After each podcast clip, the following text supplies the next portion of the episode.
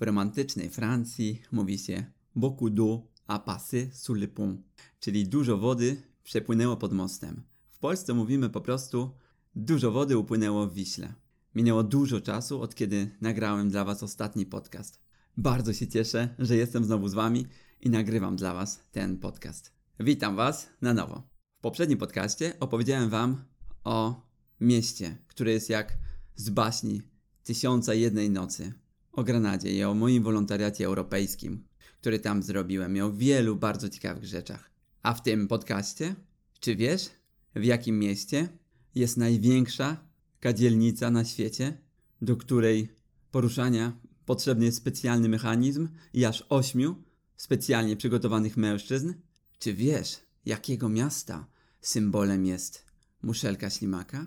Czy wiesz, w jakim mieście można posłuchać dźwięków kobzy tuż obok katedry? Za chwilę otrzymasz odpowiedź na to pytanie. Zaczynamy! Dzień dobry, tu Paweł Król. Witaj w podcaście Cztery Zmysły. W wieku trzech lat, w wyniku wypadku, straciłem wzrok. Ale to wcale nie przeszkadza mi cieszyć się życiem i spełniać moje marzenia. Wziąłem udział w trzech triatlonach, trzech maratonach, trenowałem brazylijskie jiu i wziąłem udział w wielu zawodach. Walczyłem jak równy z równym z osobami widzącymi.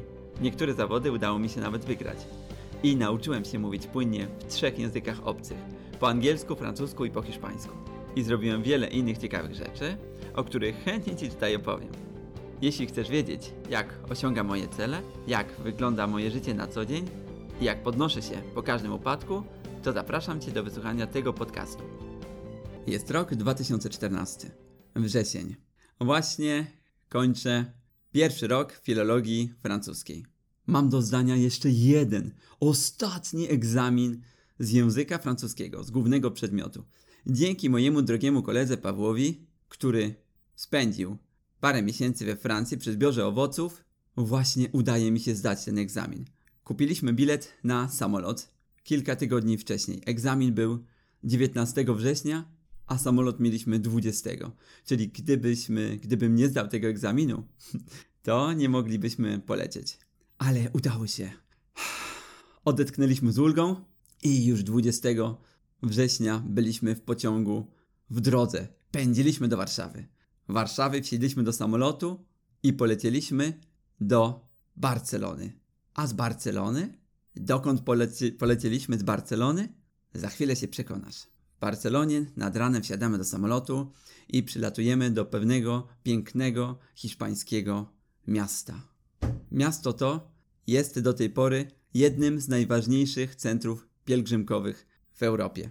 W średniowieczu było również takim jednym z najważniejszych miast. Obok Rzymu, no i poza Europą jeszcze obok Jerozolimy. Może już wiesz, co to za miasto. Jego symbolem jest muszelka, dlatego że gdy pielgrzymi tam przybywali, ono jest niedaleko obok, niedaleko od Oceanu Atlantyckiego, Atlantyckiego i pielgrzymi brali sobie muszelki ślimaków morskich na pamiątkę. Miasto to nazywa się Santiago de Compostela. Santiago to znaczy Jakub. Jest tam taka legenda, że gdy święty Jakub został ścięty, to był jeden um, z apostołów, został potem przewieziony przez swoich uczniów właśnie do miejsca, gdzie potem zostało zbudowane Santiago i tam został pogrzebany. W IX wieku naszej ery pewien pustelnik, Pelayo, zobaczył tajemnicze światła. Powiedział o tym biskupowi Teodomirowi i wraz z nim odkryli właśnie grobowiec. Szczątki świętego Jakuba zostały przeniesione w inne miejsce i nad nimi potem powstała katedra.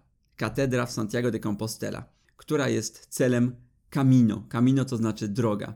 Jest takim końcowym, no przedostatnim miejscem, gdzie przybywają pielgrzymi, dlatego że potem oni idą jeszcze do Finisterre, czyli koniec ziemi i tam symbolicznie palą swoje ubrania, w których odbyli pielgrzymkę, czyli to jest jak gdyby kres, zakończenie pewnego etapu w ich życiu.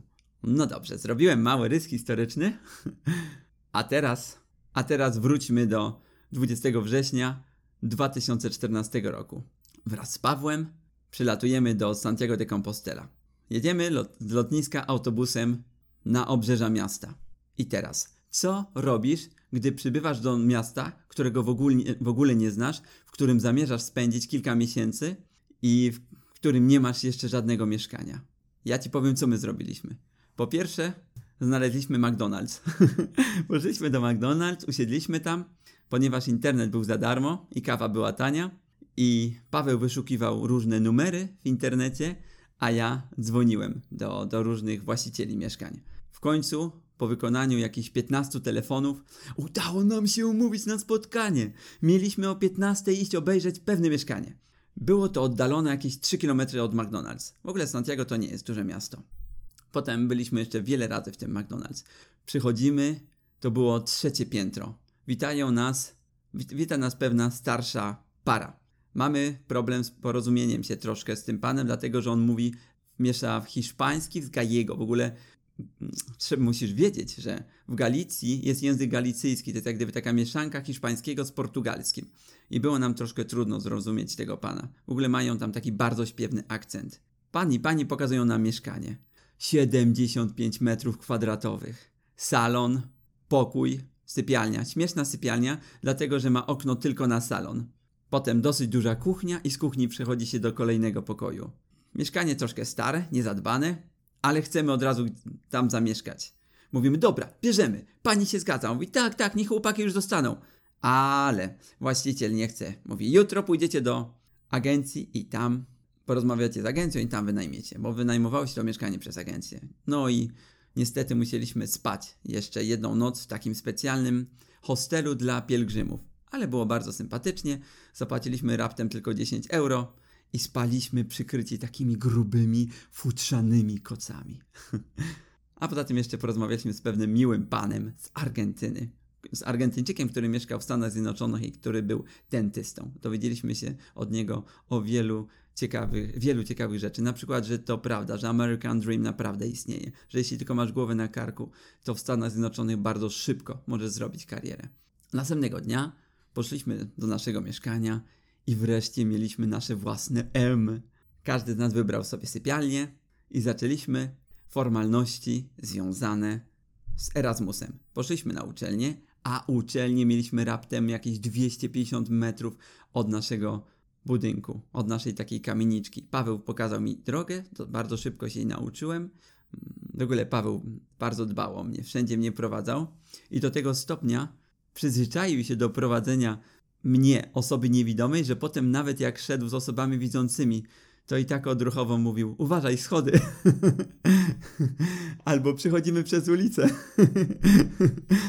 no więc poszliśmy na tę uczelnię i zaczęliśmy załatwiać formalności. Musieliśmy sobie zebrać, e, wybrać przedmioty, tak żeby mniej więcej pokrywały się z przedmiotami, które mieliśmy na uczelni u nas w Polsce i potem wysłać listę tych przedmiotów do nas, do Polski, do akceptacji. Zajęło nam to w sumie parę tygodni. Mm, zrobiliśmy wszystkie formalności, zajęło nam to w sumie parę tygodni i zaczęliśmy nasze poznawanie miasta. Santiago jest niedużym miastem, mającym jakieś 90 tysięcy mieszkańców. Głównym takim punktem charakterystycznym tego miasta jest piękna, gotycka katedra, w której jest posąg świętego Jakuba. Legenda mówi, że jeśli się przytuli do tego posągu, to wtedy będziemy mieć już powodzenie przez całe życie. Zrobiłem to. No i widzisz, jak mi się udało. Dzięki temu może, może właśnie dzięki temu nagrywam dzisiaj dla ciebie ten podcast. Nie wiem. Santiago de Compostela jest też bardzo zielonym miastem. Tam bardzo dużo pada, w Galicji pada bardzo dużo, więc ściany starych budynków są obrośnięte bluszczem. Wszędzie jest ten bluszcz. To bardzo fajnie czuć, kiedy prze przechodziłem obok budynków mogłem dotykać tego bluszczu, który wyrastał dosłownie z pomiędzy, pomiędzy kamieni. Coś niezwykłego. Nie widziałem nigdzie potem, chyba że we Francji troszkę, ale nigdy potem nie widziałem na taką skalę tak dużo bluszczu.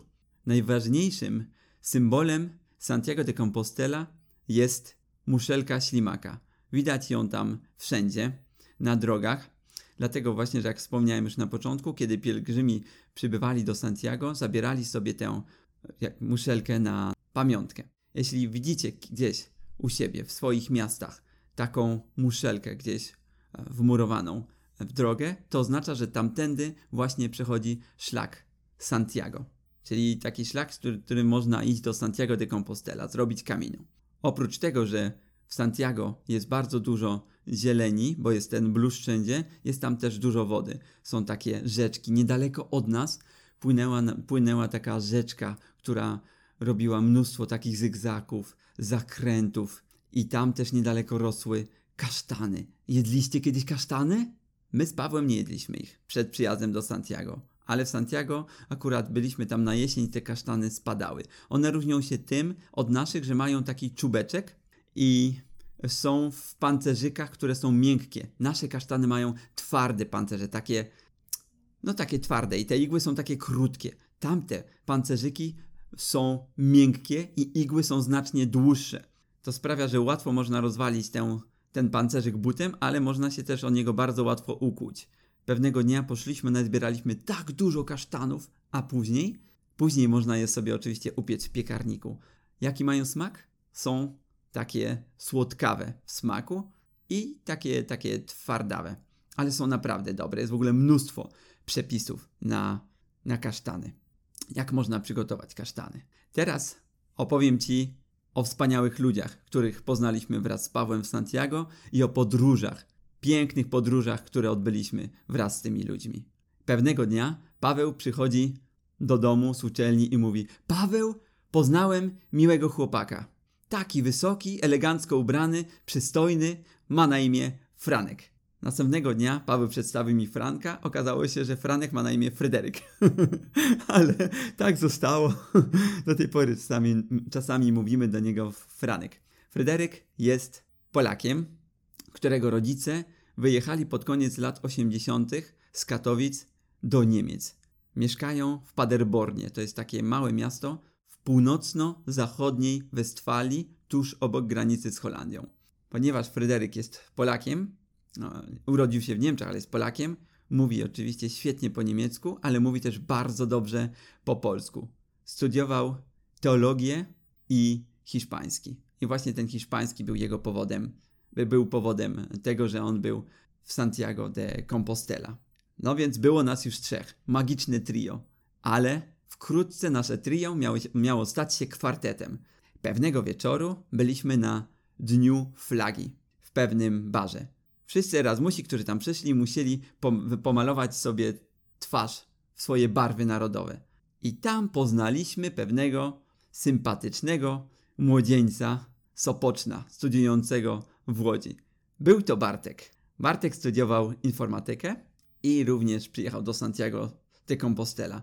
Taką rzeczą bardzo charakterystyczną, Bartek będzie się śmiał, gdy będzie słuchał tego podcastu, jest jego skórzana kurtka. To był jego nieodłączny element ubioru. Zawsze, gdy widzieliśmy Bartka i było tylko chłodniej, był Bartek i była jego skórzanka.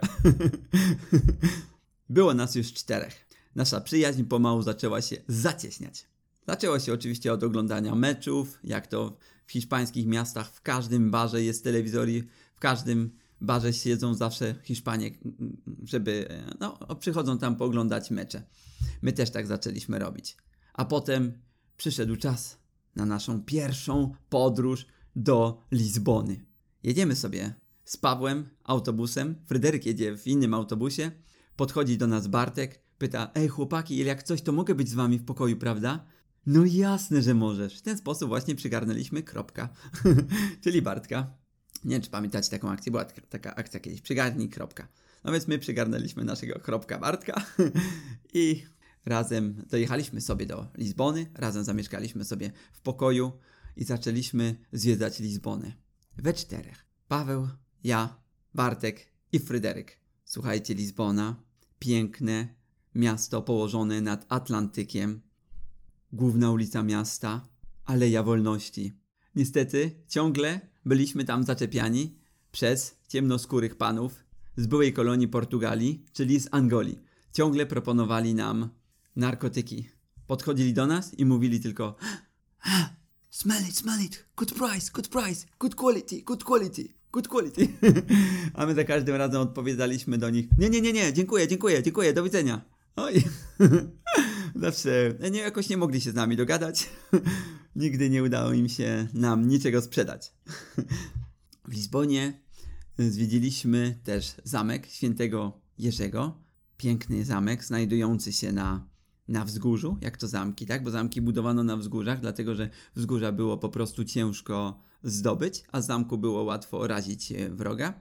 Um, I pewnego wieczoru, gdy spożyliśmy troszkę więcej płynów rozweselających, spotkaliśmy też kibiców pewnej lokalnej drużyny piłkarskiej, którzy wdali się z nami w rozmowę.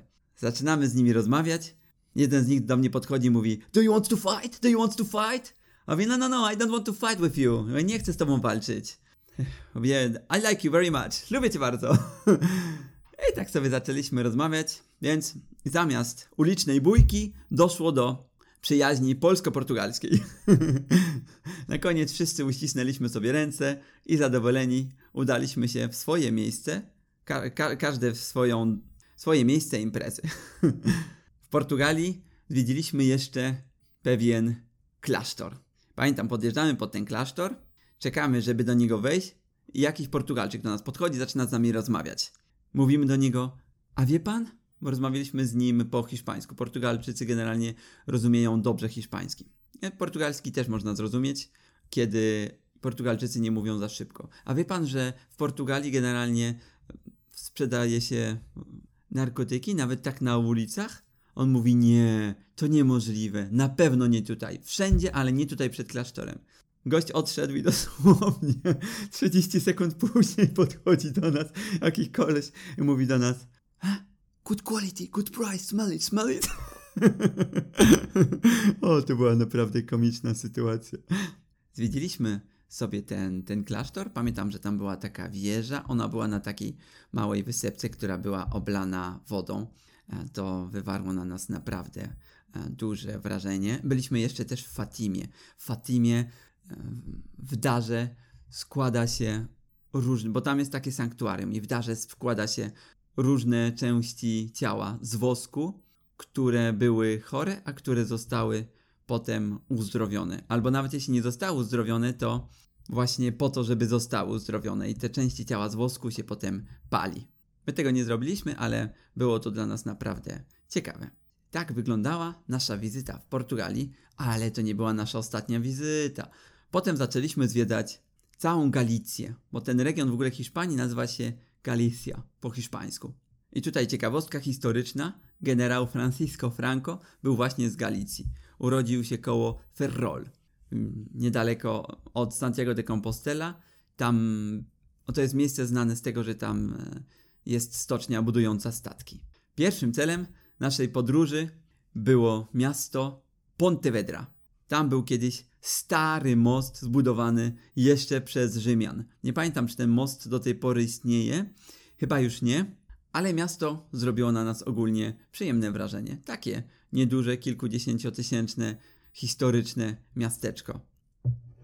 Tam, ponieważ byliśmy w Hiszpanii, zabawiliśmy się w walkę z bykiem.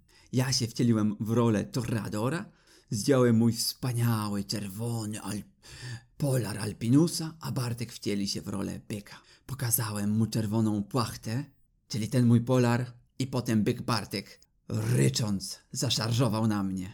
Ponieważ jestem zwinny w ostatniej chwili, uchyliłem się przed ciosem jego rogów. nie no, żartuję. rogów oczywiście nie miał, ale cała sytuacja była bardzo komiczna i nawet ją gdzieś, e, nawet ją sfilmowaliśmy. Myślę, że gdzieś jeszcze mamy ten filmik. Jeśli poprosicie, to może na, nawet udostępnię go kiedyś na stronie. Kolejnym miastem, które zwiedziliśmy było Orense. W ogóle to podróżowaliśmy tam albo pociągiem, albo autobusem.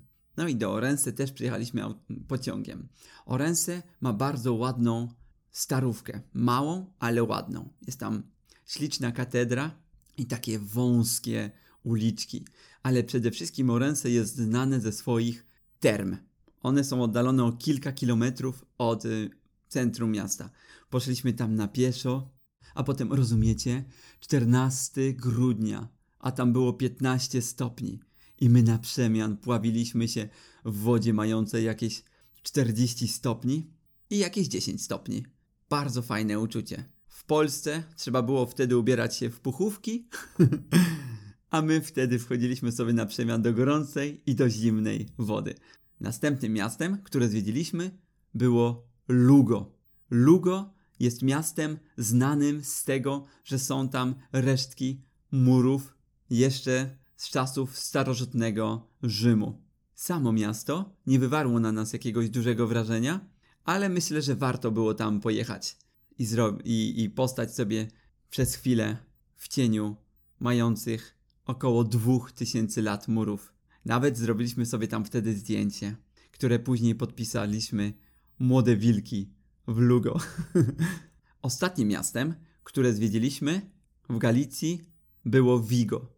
Vigo jest największym miastem w regionie, ma około 300 tysięcy mieszkańców i jest też nad Atlantykiem. Vigo nie jest zbyt ładne, ale jest stosunkowo bogatym miastem jest znane z tego, że jest tam fabryka Citroena.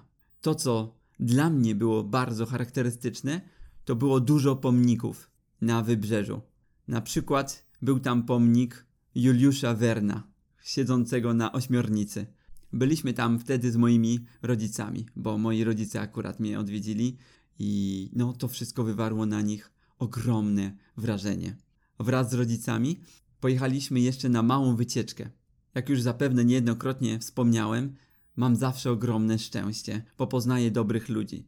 W przypadku Erasmusa w Santiago to był Paweł, który tam ze mną pojechał i troskliwie zawsze się mną zajmował i pomagał mi we wszystkim. To byli Fryderyk i Bartek, ale też pewna miła pani w średnim wieku o imieniu Ester. Ester była biegaczką i była taka dobra, że za, za pieniądze wygrane z zawodów kupiła sobie mieszkanie nad samym Atlantykiem i zabrała nas tam z rodzicami. Mieliśmy z balkonu widok na Atlantyk. Atlantyk był dosłownie jakieś około 100 metrów od nas. Mieliśmy go u naszych stóp. No niesamowite wrażenie. Wyobraź sobie, że stoisz na balkonie i patrzysz na wzburzony Atlantyk, a obok jest jeszcze bardzo miła pani, która opowiada ci o tym, jak pięknie jest tam biegać wzdłuż Atlantyku, bo w ogóle bardzo dużo biegałem z panią Ester. Oczywiście, nasz Erasmus to nie były, nie były tylko podróże, ale też nauka. Zaczęliśmy uczyć się dosyć dużo, zwłaszcza Paweł. On zawsze był taki bardziej um, ambitny ode mnie. Ja uczyłem się troszkę mniej. W ogóle przekonałem się, że Erasmus, przynajmniej, przynajmniej w moim przypadku, choć był bardzo owo owocny pod względem języka hiszpańskiego, bo nauczyłem się jeszcze lepiej hiszpańskiego i poznałem, poznałem kolejny, wspaniały, śpiewny akcent z Galicji. Nie był zbyt owocny pod względem nauki języka francuskiego i naprawdę niedużo się tam nauczyłem. Natomiast, i tu cię zdziwię, zapisałem się na lekcje z niemieckiego, które były świetnie prowadzone i nawet udało mi się osiągnąć poziom A1. Zdałem egzamin na poziom A1. Niestety części egzaminów nie udało mi się tam zdać i później musiałem wszystko zdawać w Polsce, już na miejscu. Santiago, oprócz wspaniałej wszędobylskiej zieleni, jest też miejscem przepełnionym celtyckimi legendami, dlatego że Santiago, w Santiago mieszkali kiedyś Celtowie. Jest tam bardzo dużo w tych legendach różnego rodzaju wróżek, czarownic, druidów. W każdym barze możecie napić się wspaniałego kawowego likieru. I w centrum, tuż obok katedry, w takim małym tunelu, zawsze stoi kobziarz, który w okolicach południa gra piękne melodie na kobzie. To sprawiało, że czasami, gdy szedłem, e, wszedłem do katedry, czułem się troszkę jak gdybym był gdzieś w Szkocji. W ogóle cały ten Erasmus w Santiago de Compostela sprawił, że jak gdyby rozbudził moją miłość do podróżowania, bo zwiedziłem część Portugalii, zwiedziliśmy prawie całą Galicję i byłem nawet na Majorce. Ale o tym opowiem Ci może kiedy indziej, w jakimś innym podcaście. W tym podcaście opowiedziałem Ci o moim Erasmusie w Santiago de Compostela. Opowiedziałem Ci troszkę o kulturze i o pięknie z samego Santiago oraz całego regionu, czyli Galicji. Po raz kolejny też pokazałem Ci, że brak wzroku nie jest żadną barierą, a wręcz przeciwnie, może być taką siłą napędową, która sprawia, że mam jeszcze większą chęć do odkrywania świata.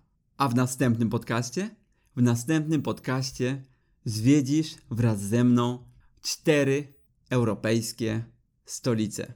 Jedna z nich jest szczególnie bliska naszym polskim sercom. Już teraz Cię zapraszam.